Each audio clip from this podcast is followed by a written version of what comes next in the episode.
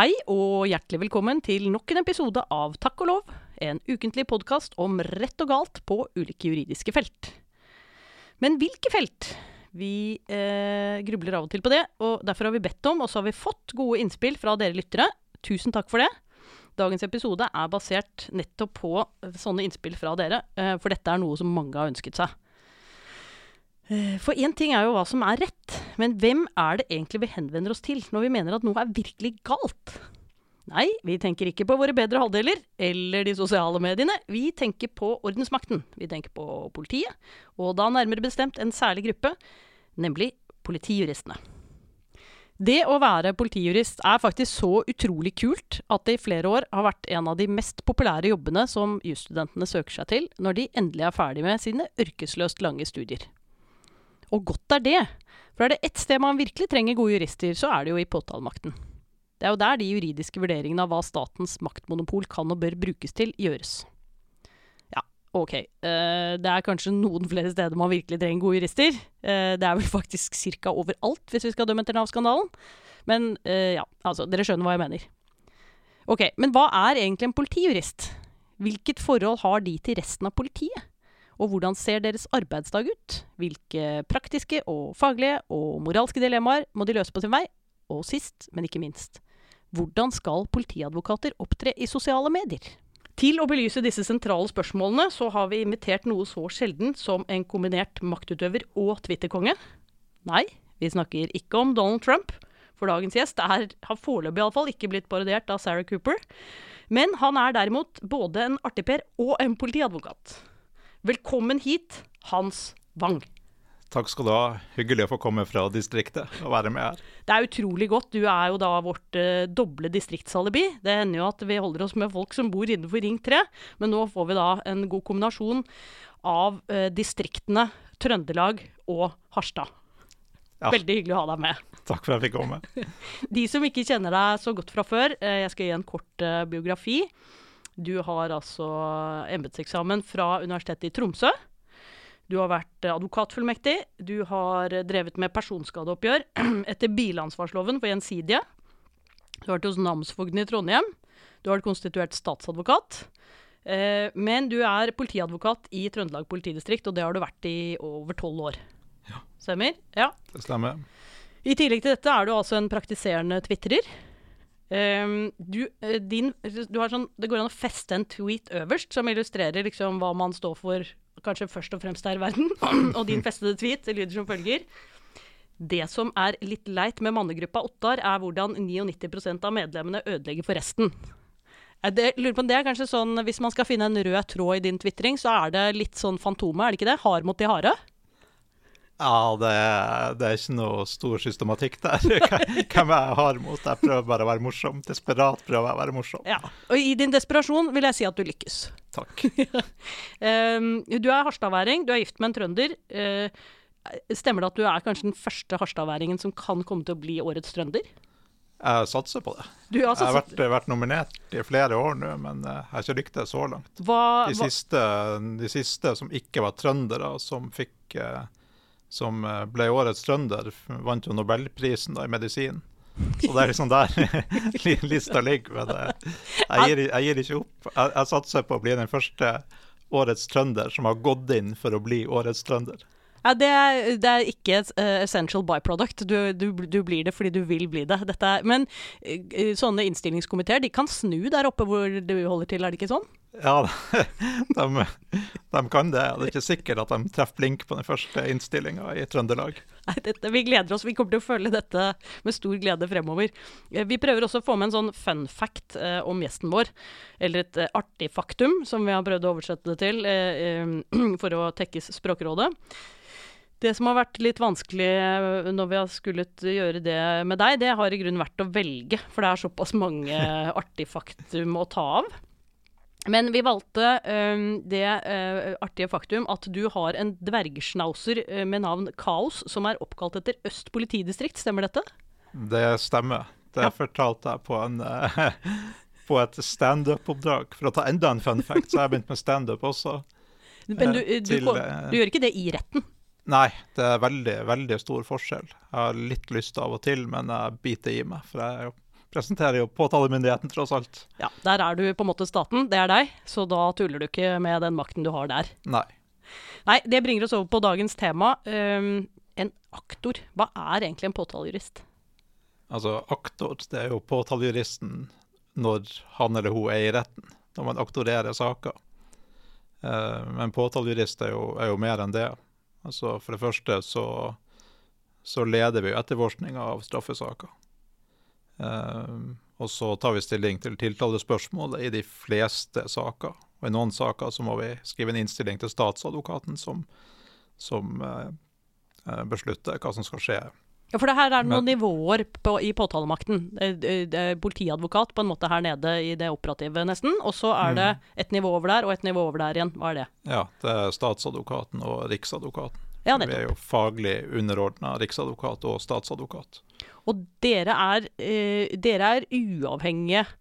Eh, dere kan ikke instrueres på samme måte som politiet kan instrueres? Er det sånn? Nei, det kan vi ikke. Vi Nei. kan verken instrueres eh, politisk eller, eh, eh, eller av polititjenestepersoner utenfor påtalemyndigheten. Nettopp. Så det er, det er, en del av politiet, men en uavhengig del inni politiet. Ja. ja. Det er jo en litt sånn særegen norsk ordning hvor vi har det laveste leddet i påtalemyndigheten integrert i, i, politiet. Det ser man jo bare Ja, det er vel Danmark i tillegg. Hva, for hvordan kan man gjøre det ellers? Nei, det vanlige er å ha et, et skarpt skille mellom, mellom eh, politi og påtalemyndighet. Ja, nettopp. Eh, sånn at de eh, ikke er en del av politiet på, på laveste nivå. Hva er oppsider og nedsider med de ulike løsningene? Grunnen til at de skal være administrativt skilt, er jo, er jo nettopp det å sikre uavhengigheten. Um, Klarer så. man å være uavhengig selv om man er integrert, sånn som nå? Jeg, jeg, jeg håper det. det er målet? Ja, ja. Det, det, det, mener at vi er. Men, men være, når man tross alt har et sånt system, så skal man være litt, eh, litt forsiktig med å røre med det og lage for mange sånn administrative ordninger som, som rokker ved den uavhengigheten. Men den, eh, den, man har jo en objektivitetsplikt.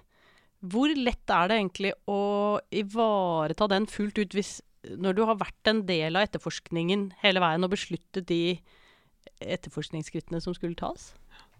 Det er jo akkurat det som er en av utfordringene med det norske systemet med, med integrert påtalemyndighet i, i politiet.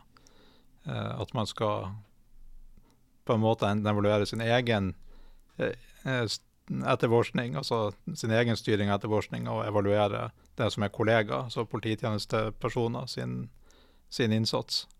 Eh, og eh, nå er det jo heldigvis sånn at i de mest alvorlige sakene, så er det jo statsadvokaten som tar den avgjørelsen. Og statsadvokaten er jo ikke integrert i politiet, sånn at man kan ivareta den, eh, den objektiviteten der. Men det er et eh, jeg vil si at det er et skjørt system. Man skal ikke rokke veldig mye med, med ting før, før, det kan være problematisk.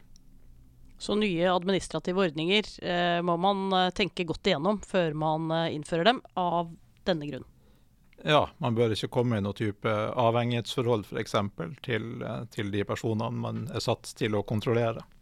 Nei, Det høres ut som en klok vurdering. Eh, hvordan er samarbeidet mellom politijuristene og de andre i politiet, da? Altså sånn mer praktisk?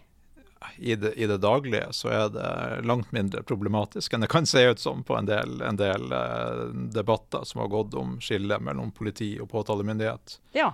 Um, så sånn rent praktisk, hva, hva skjer? Noen kommer ja. med en anmeldelse, noen må etterforske noe. Hvordan er det dette henger sammen?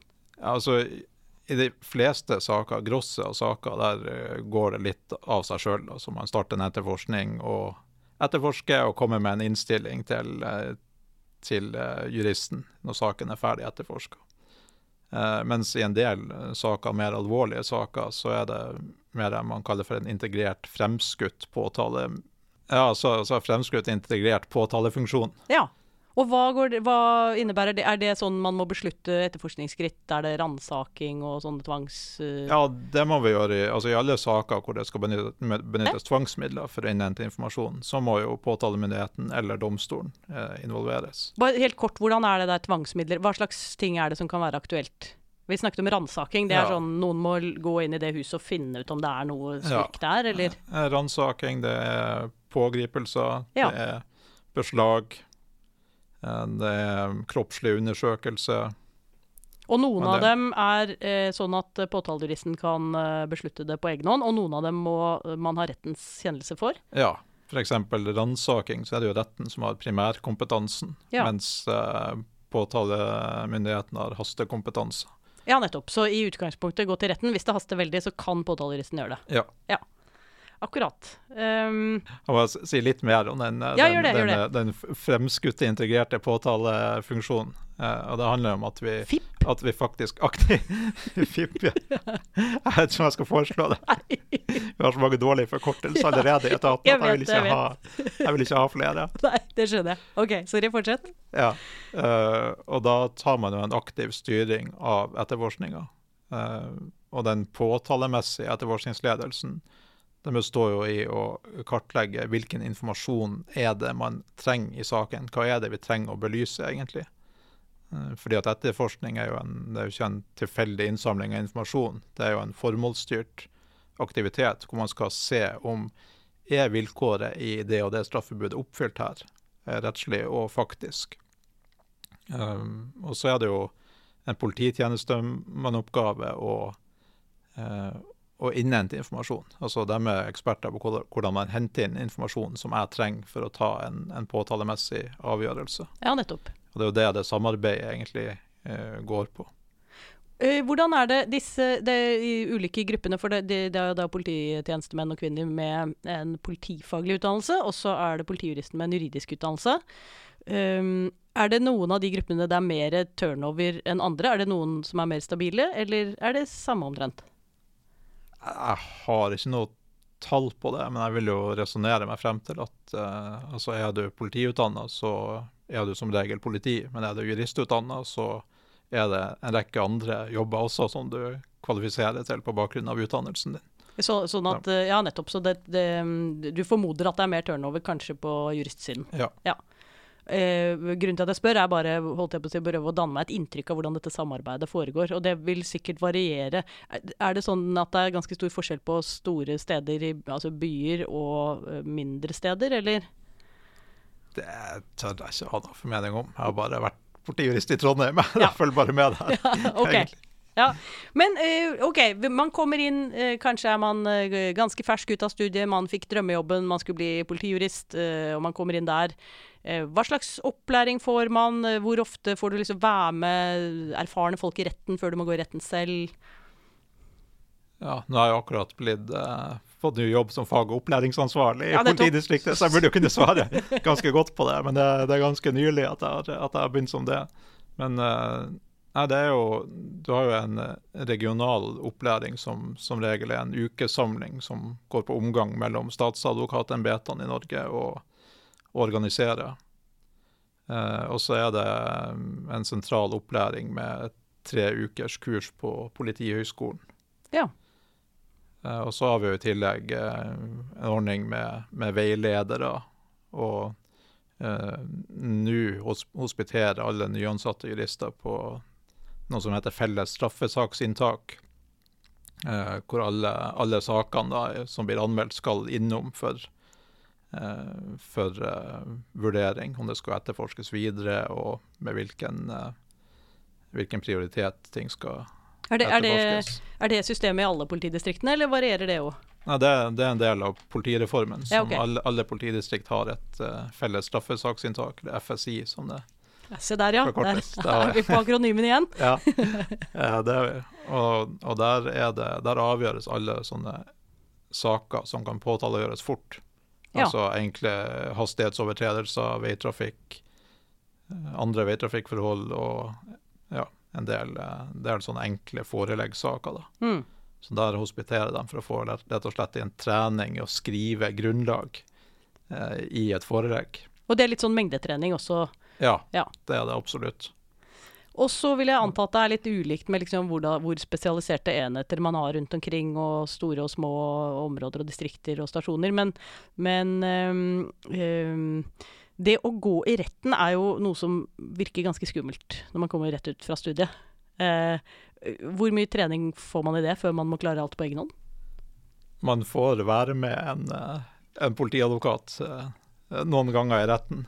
Ok, Og, og så er det veldig avhengig av hvem de får som veileder. For eh, vi er Det er en slags veilederordning, en faddertype ordning. Ja. Ok, Men det er litt aktøravhengig, høres det ut som? ja, det er det. Så noen eh, Jeg tilhører kanskje den gruppen som helst vil dytte dem ut på, på dypt vann så fort som mulig. Ja, For, ok. det, for det er ikke noe vits å det er ikke noe vits å nøle. Du lærer av å gjøre det. Dette eh, minner om sånn da jeg var eh, advokatfullmektig. Da hadde jeg eh, første, første gang jeg skulle skrive et uh, tilsvar. Og jeg syntes det var utrolig skummelt. Det var en veldig stor og viktig klient. Jeg hadde aldri skrevet tilsvar før. Jeg så på noen andre tilsvar som var blitt sendt. Jeg prøvde å gjøre det så godt jeg kunne. Gikk inn til han partneren som jeg skrev for, og sa du, kan du se litt ekstra nøye på dette her, for det er første gang jeg lager tilsvar. Og så sa han ja, det skal jeg gjøre. Og så tok han opp den bunken, så så han på forsiden. Og så snudde han, så så han på baksiden, den var jo blank. Og så så han på tykkelsen. Og så sa han 'fabelaktig', og så undertegnet han. Og jeg tenkte alt som er gærent i det skriftet der, det er mitt ansvar, så det, da skjønner jeg. Så den der måten å bli kastet ut på dypt vann, eh, du har tro på den?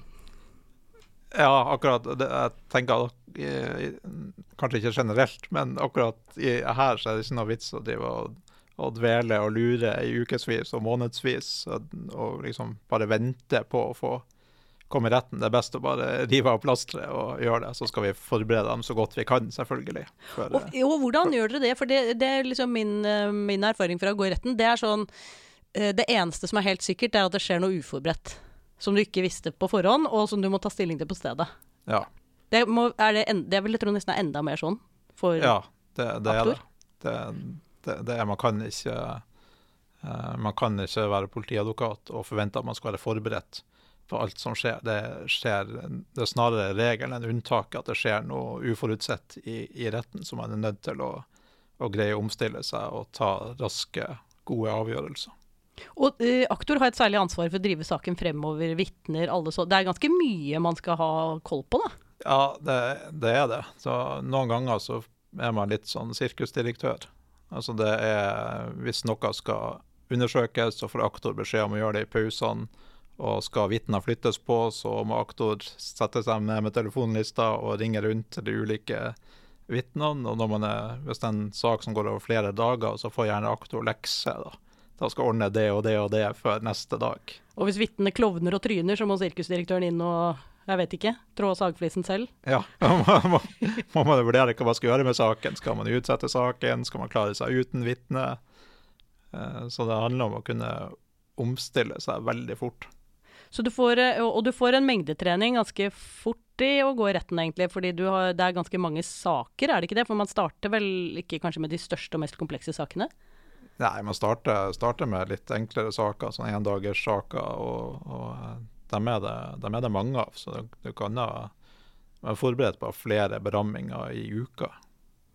Men ehm, eh, høyt arbeidspress, eh, blir folk liksom utbrent og utslitt og sånn, eller eh, er dette noe man takler bra? Hva skal til for å få folk til å trives? Det høres ut som det er litt skummelt, men ganske gøy.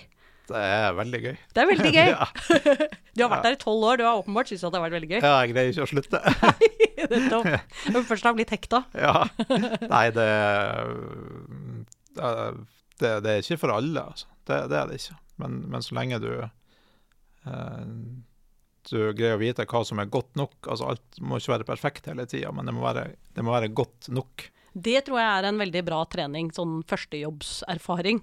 Den, akkurat den derre um, 95% er bra nok, alt trenger ikke være 100% Egentlig er det ikke sånn, da. Det er, sånn, det er mer sånn Det trenger ikke være 150% 120% er bra nok. Fordi man forbereder seg jo veldig mye mer enn det man stort sett må. Eller kan, Mm. ja.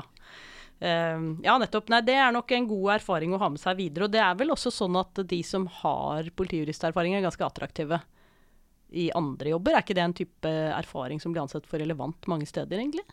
Du får jo, eh, du får jo eh, veldig med prosedyreerfaring. Det får du ikke nødvendigvis som, som advokatfullmektig.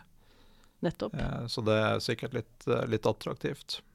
Og så er det jo altså juris, jurister som takler, som takler store saker, takler media. For det er jo media er også en, en viktig, en, en god del av jobben etter Den, hvert. den fjerde statsmakt. Ja. nettopp. Ja. Den, hva, hva skal til for å klare det godt? Hva er, det de, hva er utfordringene med dem? Nei, Utfordringa er at du vil, jo, du vil jo please dem, men du vil, ikke, du vil ikke si ting som du ikke burde ha sagt. Altså, du, du vil ikke ødelegge etterforskninga gjennom å røpe ting i media. Nei. Som f.eks. det er litt dumt hvis du sier at eh, en person er knivstukket, men jeg kan ikke uttale meg om hvilke redskap som er brukt. Det, eh, nettopp. så, så, det, så det er litt uheldige eh, forsnakkelser som Nettopp. Ja, og så er det den 'ingen kommentar'. Den er jo også litt uh, vanskelig, for da blir man litt avhengig av hvordan spørsmålet stilles, så kan man jo bli litt sånn presset opp i et hjørne. Ja, vi må, må, aldri svare 'ingen kommentar'. Nei, Hva svarer man isteden? Det er for tidlig i etterforskninga. Ja. Jeg er nødt til å ha kontroll på informasjon. Eh, litt, sånne, litt sånne ting. Ja. Er det noe positivt med mediene? Altså ja. sånn Rent bortsett fra at de har et veldig viktig samfunnsoppdrag og sånn, er, er, det også en type trening man uh, kan dra nytte av? Ja, jeg, jeg syns i hvert fall at det, vært, at det er en fin, fin erfaring å, kunne lære seg å takle, takle det. Ja. Det er, ikke, det, det er ikke sånn at du syns det er for lite media, at det er derfor du er mye i sosiale medier? Å, det er jo vanskelig spørsmål. Det er, jo derfor jeg er her. Det er derfor jeg har kjørt fra Trondheim for å være her. Det er jo fordi det er jo pga. oppmerksomheten. Det er så utrolig bra. Jeg må bare si det er veldig takknemlig for at du kom hit til studio. Kjørte hele veien for å være med i denne podkasten. Det er så gøy. Det er veldig ja. bra. Ja, det sier litt om interessen min for å stikke meg ut. Ja, det, eh, vi er veldig glad for den. Ja. Eh, og det er jo utrolig positivt at du For du gjør jo egentlig veldig mange ting på en gang her. Eh, Eh, jeg har jo litt sånn forkjærlighet for offentlig ansattes ytringsfrihet, og den må jeg si du bruker eh, ganske bra. Eh, og jeg syns du gjør det på en morsom måte. Det er sikkert noen som reagerer på at du driver og tuller på Twitter mens du egentlig er veldig alvorlig politiadvokat. Hvordan er det? Nei, ja, det er jo noen som antyder på Twitter at de er misfornøyd med det, men det er ingen som har klaga. Det er ingen som har skrevet brev til politidistriktet og, og klaga på det. Så det, det er klart at jeg, jeg, altså jeg er der som privatperson, men jeg må uansett ta høyde for hva slags jobb jeg har. Jeg kan ikke bare ha et vanntett skott mellom de to tingene. Nei, og så, blir du i noen grad identifisert. Mange, mange ting jeg har på blokka som jeg må droppe å skrive på Twitter pga. jobben. Har du en sånn, er det sånn du lager, for Av og til så skriver man sånn tweet, og så tenker du nei, denne kan jeg ikke sende. Og så, og så får du sånn Vil du slette den, eller vil du lagre den? Har du, har du lagret masse sånn usendte tweets? La meg si det sånn at jeg anbefaler folk å følge med den dagen jeg slutter i politietaten. dette, er, dette, er, bra. To be continued. Følg med i, det, i kommende episoder av Hans Wangs Twitter-konto. Uh, det er strålende. Det var en ting jeg lurte på da vi snakket om dette med å holde på å bli kastet rett ut og gå i retten, og alt du uh, må håndtere fort, da, uh, uerfaren som du er når du kommer inn som, som nyutdannet. Hvor godt rustet er man egentlig gjennom jusstudiet til å håndtere de utfordringene man opplever mest av. Det, um, jeg i hvert fall opplevde det som advokatfullmektig, og, og, jeg vil tro det også kanskje er enda mer sånn for en politijurist. der Gjennom jusstudiet så lærer du sånn finne frem til regel, krongle, krongle med rettskildene, finne frem til regel. Eh, bli ganske god egentlig i sånn justing. Eh, og så skal du da forholde deg til et eller annet faktum, og så skal du subsumere, skal du finne noe svar. Men faktum, det er, bare, det er, alltid gitt. Gjennom fem år på studiet så er faktum gitt, og så kommer du ut og er kjempegod på jussen, og så viser det seg at det eneste du egentlig må krongle med nesten hele tiden, det er faktum. Jussen er nesten aldri et problem. Er det sånn? Ja. ja. Det, det, det, er faktisk sånn. Et langt og ledende spørsmål. Ja, altså, ja. Mange, altså, mange greier å finne ut hva skjellig grunn til mistanke. Det, det, er enkelt å, å finne ut blow opp i boka, ja. og se hva som kreves for det. Men, ja. Men når du, når du står en, hvis du er nyutdanna og det står en uh, stor brann av en uh, polititjenesteperson og, og, vil ha den ransakingsbeslutninga, og, du, og du, må, du, må, fiske litt og høre ja, hva slags info er det dere har som gjør at du mener at det er skjellig grunn til mistanke her. Ja, er, du, du, er sånn ny og grønn og fersk i jobben og knapt blitt kjent med folk, og så kommer han der superkule, barka etterforskeren og sier det er klart vi må ransake her, kan ikke du bare skrive ut? Hva gjør du da? Ja, da, det er klart det. Når du, når du er helt fersk, så er det, er det vanskelig. Men, eh, men, eh, jeg tror juristene våre er flinke til å, til å eh, faktisk vurdere om det er eh, grunnlag. Og jeg tror mer at de er Kanskje oftere at man er forsiktig i andre retninger. Ja. At det skal så... at, det, at, det, blir lite rom mellom skjellig grunn til mistanke og tiltalt. ja, sånn, ja. at, at, det krever veldig mye for ja. at det skal uh, komme over dit. Så du har, noe, du har, ikke noe, trening i jussen å se om er det faktum mer sannsynlig enn det motsatte, enn det, enn det andre faktum. Men det er jo holdt jeg på å si, sympatisk, da, hvis man tenker at det er en generell Jeg opplevde det som dommerfullmektig selv, at uh, man hører at makt korrumperer. Uh, jeg opplevde nesten det motsatte, på en måte. At det var sånn Jeg, jeg følte meg uh, veldig, veldig sånn overveldet av å ha så mye makt, så jeg måtte bruke den utrolig forsiktig. Jeg måtte i hvert fall ikke gjøre feil i sånn maktmisbruksretning. er det sånn? Ja, for de fleste tror jeg nok det er sånn, og så er det noen som det ikke som det ellers ikke er sånn for. De som gnir seg ennå og bare skriver ja. ut? Ja, nei, jeg, jeg, tror, jeg, tror, de fleste er veldig uh, bevisst på at det er faktisk folk vi snakker om. Det, uh, det er ikke noen enkel beslutning å, å ransake hos noen midt på natta. Det nei. får konsekvenser for ekte mennesker, ja. og det må vi alltid være, være bevisst. Og samtidig så må vi være, være bevisst at det får konsekvenser for ekte mennesker hvis vi ikke greier å oppklare straffbare handlinger også. Mm. Til det litt mer sånn moralske, for det, det, ligger jo, det, ligger jo, under, som du sier, både en sånn veldig sånn ansvarsfølelse for oppdraget, men, men, men en, er det ikke sånn at man også kan komme i sånne moralske dilemmaer? Altså sånn um, altså Helt sentralt i strafferetten er jo om det foreligger rimelig tvil eller ikke. Hvordan vet man når det foreligger rimelig tvil? Ja, det, det er jo egentlig også en kanskje litt skummelt å si det, men en treningssak. Ja. Eh, det også. Eh, og, men det vi har eh, Altså, det, det, spørsmålet man stiller seg, er jo i, i retten, når man har tatt ut en tiltale, er kan man, kan man, så, kan man uh, utelukke for alle praktiske formål alle alternative forklaringer til den som står tiltale, som grunnlag i tiltalebeslutninga. Uh, og der er man jo i politietaten generelt blitt mer bevisst uh, den, altså den skrøpelige menneske, menneskelige egenskap til å være objektiv. Ja. For det greier ikke vi å være. Uh, sånn at hypotesetenking har fått, fått, mye større plass i, i etterforskning. For det er Det sa vi jo ikke innledningsvis, men det ligger jo implisitt her. Altså, man har jo en objektivitetsplikt i, i påtalemakten. Du skal ikke bare prøve å bevise at folk er skyldige, du skal også se på alle de tingene som eventuelt beviser eller trekker i retning av uskyld. Mm. Ja. Det, eh, men da sier du at eh, bare det å konstatere det, så jeg skal være objektiv, det er ikke nok. Man må prøve å hjelpe seg selv. Fordi man skjønner at man er eh, et feilbarlig og svakt menneske med alle ja. vanlige menneskelige tilbøyeligheter. Ja, ja, rett og slett.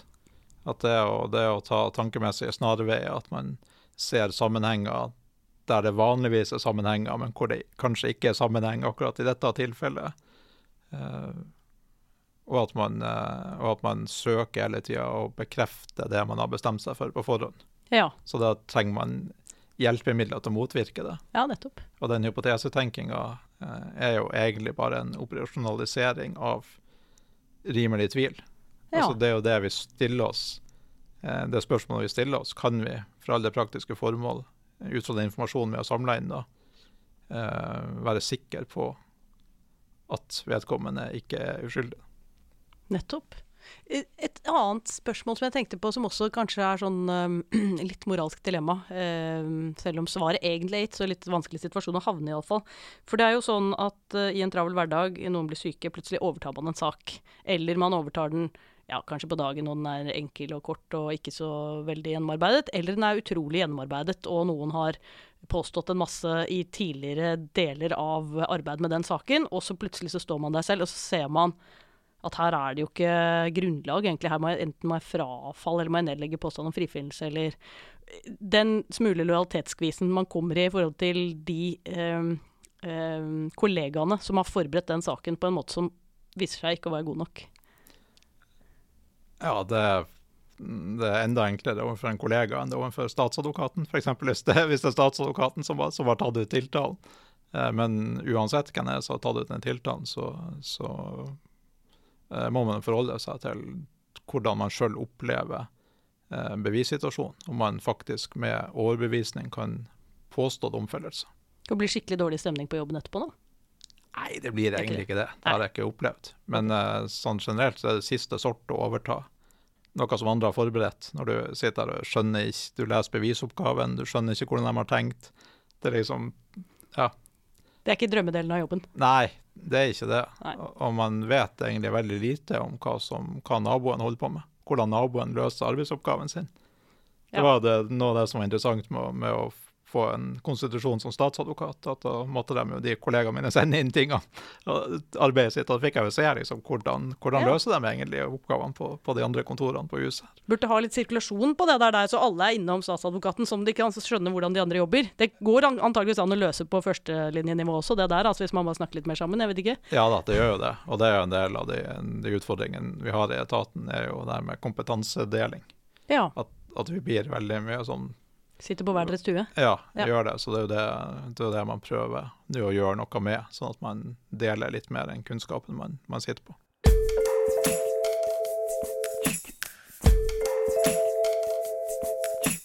Fjerde episode, Torbjørn. Vi sitter her igjen. Eh, kjære takk og lov-lytter, veldig hyggelig å ha deg med, med oss. Jeg heter Sura Blank Torkelsen og kommer fra Universitetsforlaget. Og du, Torbjørn? Spent på meg, hva jeg gjør. Veldig spent på hva du gjør. Jeg har en mistanke, men jeg vil gjerne høre litt mer om det. Er Juristenes utdanningssenter, juss. Er i kursene, workshopene, seminarenes verden. Gir deg etterutdanning. Så her har vi liksom det beste av jussens to verden for å, uh, verdener, for å lære mer. Bøkene og kursenes. Ja, Vi utfyller jo hverandre på et vis, gjør vi ikke det? Absolutt, og dette er jo denne podkasten et veldig godt eh, et eksempel på. Så la oss høre litt fra bøkenes verden. Ganske snart så kommer Universitetsforlaget med lovkommentaren til straffeprosessloven i femte utgave. Eh, og det er faktisk et eh, skikkelig team med forfattere som står bak den utgivelsen. Det er Hans Christian Bjerke, Erik Keiserud, Knut Erik Sæther, Morten Holbo, Magnus Matningsdal, som jeg nevnte i forrige Mhm. episode, er høyesterettsdommer, Mm. og ikke minst eh, Jan Golten Smørdal. Eh, og de kommenterer alle paragrafene i straffeprosessloven. Eh, og det er jo selvfølgelig nyttig for uh, f.eks. påtalejurister, eh, for det er et eget eh, kapittel i den om påtalemyndigheten. Nettopp. Eh, så hørte vi jo i sted at eh, Anine Hans de snakket jo om bruk av tvangsmidler. Uh, og jeg må jo da nesten nevne uh, en bok vi har som heter 'Skjulte tvangsmidler', mm -hmm. uh, som også er i en andre utgave. Eh, og den er det Ingvild Brus og Geir Sunde Haugland som står bak. Mhm. Eh, og så er det jo sånn at på Juridika så har vi jo samlet eh, alle tidsskriftene våre, og vi har også lagt ut alle artiklene fra dem bakover i tid. Eh, og når vi er inne på dette temaet, vi har faktisk en artikkel fra 1964 fra Lov og rett eh, i sin sjette eh, årgang. Eh, og der skriver de om påtalemyndighetens uavhengighet. Så dette er et tema som har historisk historiske linjer bakover. Spennende. Og hvordan er det med dere, Torbjørn? Hva er nytt eh, å Hvis du har jobbet som eh, påtalejurist og stiler mot å ha en sak i Høyesterett, da har vi kurset for deg. Fordi ankeforberedelser og prosedyre for Høyesterett går av stabelen i januar 2021. Og som det kanskje er ganske lett å forstå, så er jo formålet å gi deltakeren best mulig grunnlag for å håndtere en straffesak for Høyesterett. Ta for seg alle sakens stadier, fra ankeerklæring til hovedinnlegg. Gir deltakeren en større forståelse av rollen til Høyesterett. Og så har jeg jo lyst, da, også fortelle deg og alle lyttere om vårt eh, digitale abonnement. Her finner du over 50 eh, e-kurs, digitale kurs, og allstreamen fra de årlige kursene som går av stabelen nå i høst. Så det er rett og slett et kjempebra tilbud for deg som er på jakt etter mer juss. Ja, Dette høres jo kjempebra ut, og jeg tenker jo hvis du skal til Høyesterett eh, og blir litt drillet i hva som venter, og kunne senke skuldrene litt ekstra etter å ha vært på kurs hos dere, det tror jeg må være midt i blinken. Så får vi håpe at du fortsetter å høre på podkasten. Bruk chatten juridika.no for å fortelle hva du synes om den. Mm. Eller så kan du sende e-post til jusspost at juss.no med kommentarer og innspill. Ja, gjør det.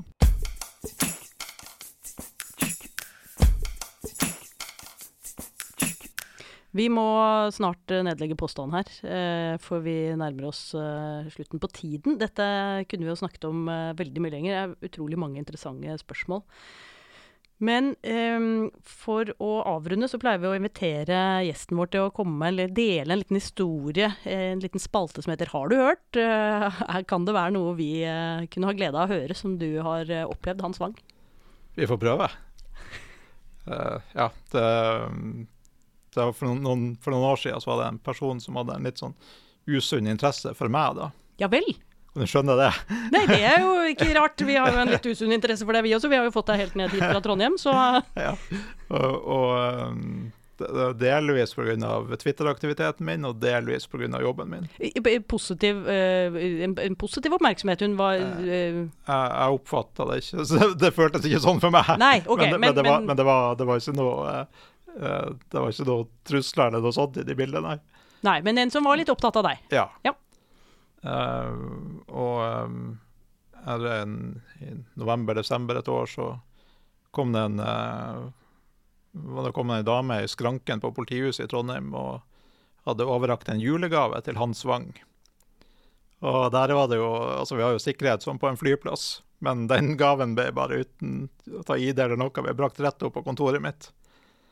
Så jeg var litt sånn utrygg, så jeg fikk en, fikk en politifullmektig til å åpne den. Ja vel! Det er det du setter den til. Ja, det er det jeg setter til å åpne, i tilfelle, i tilfelle det var en bombe. Så. Nei da. Uff meg. Ja. Um, og der var det da uh, hjemmelaga eggelikør.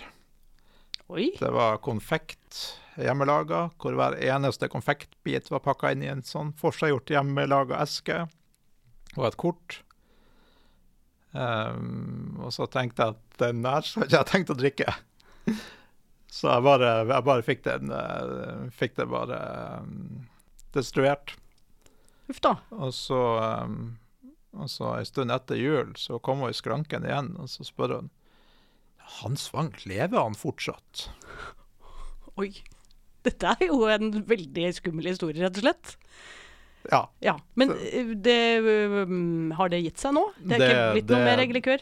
Det har gitt seg. Jeg har uh, ikke vært noen stor drikker av eggelikør før, og ikke har jeg vært det etterpå heller. Nei.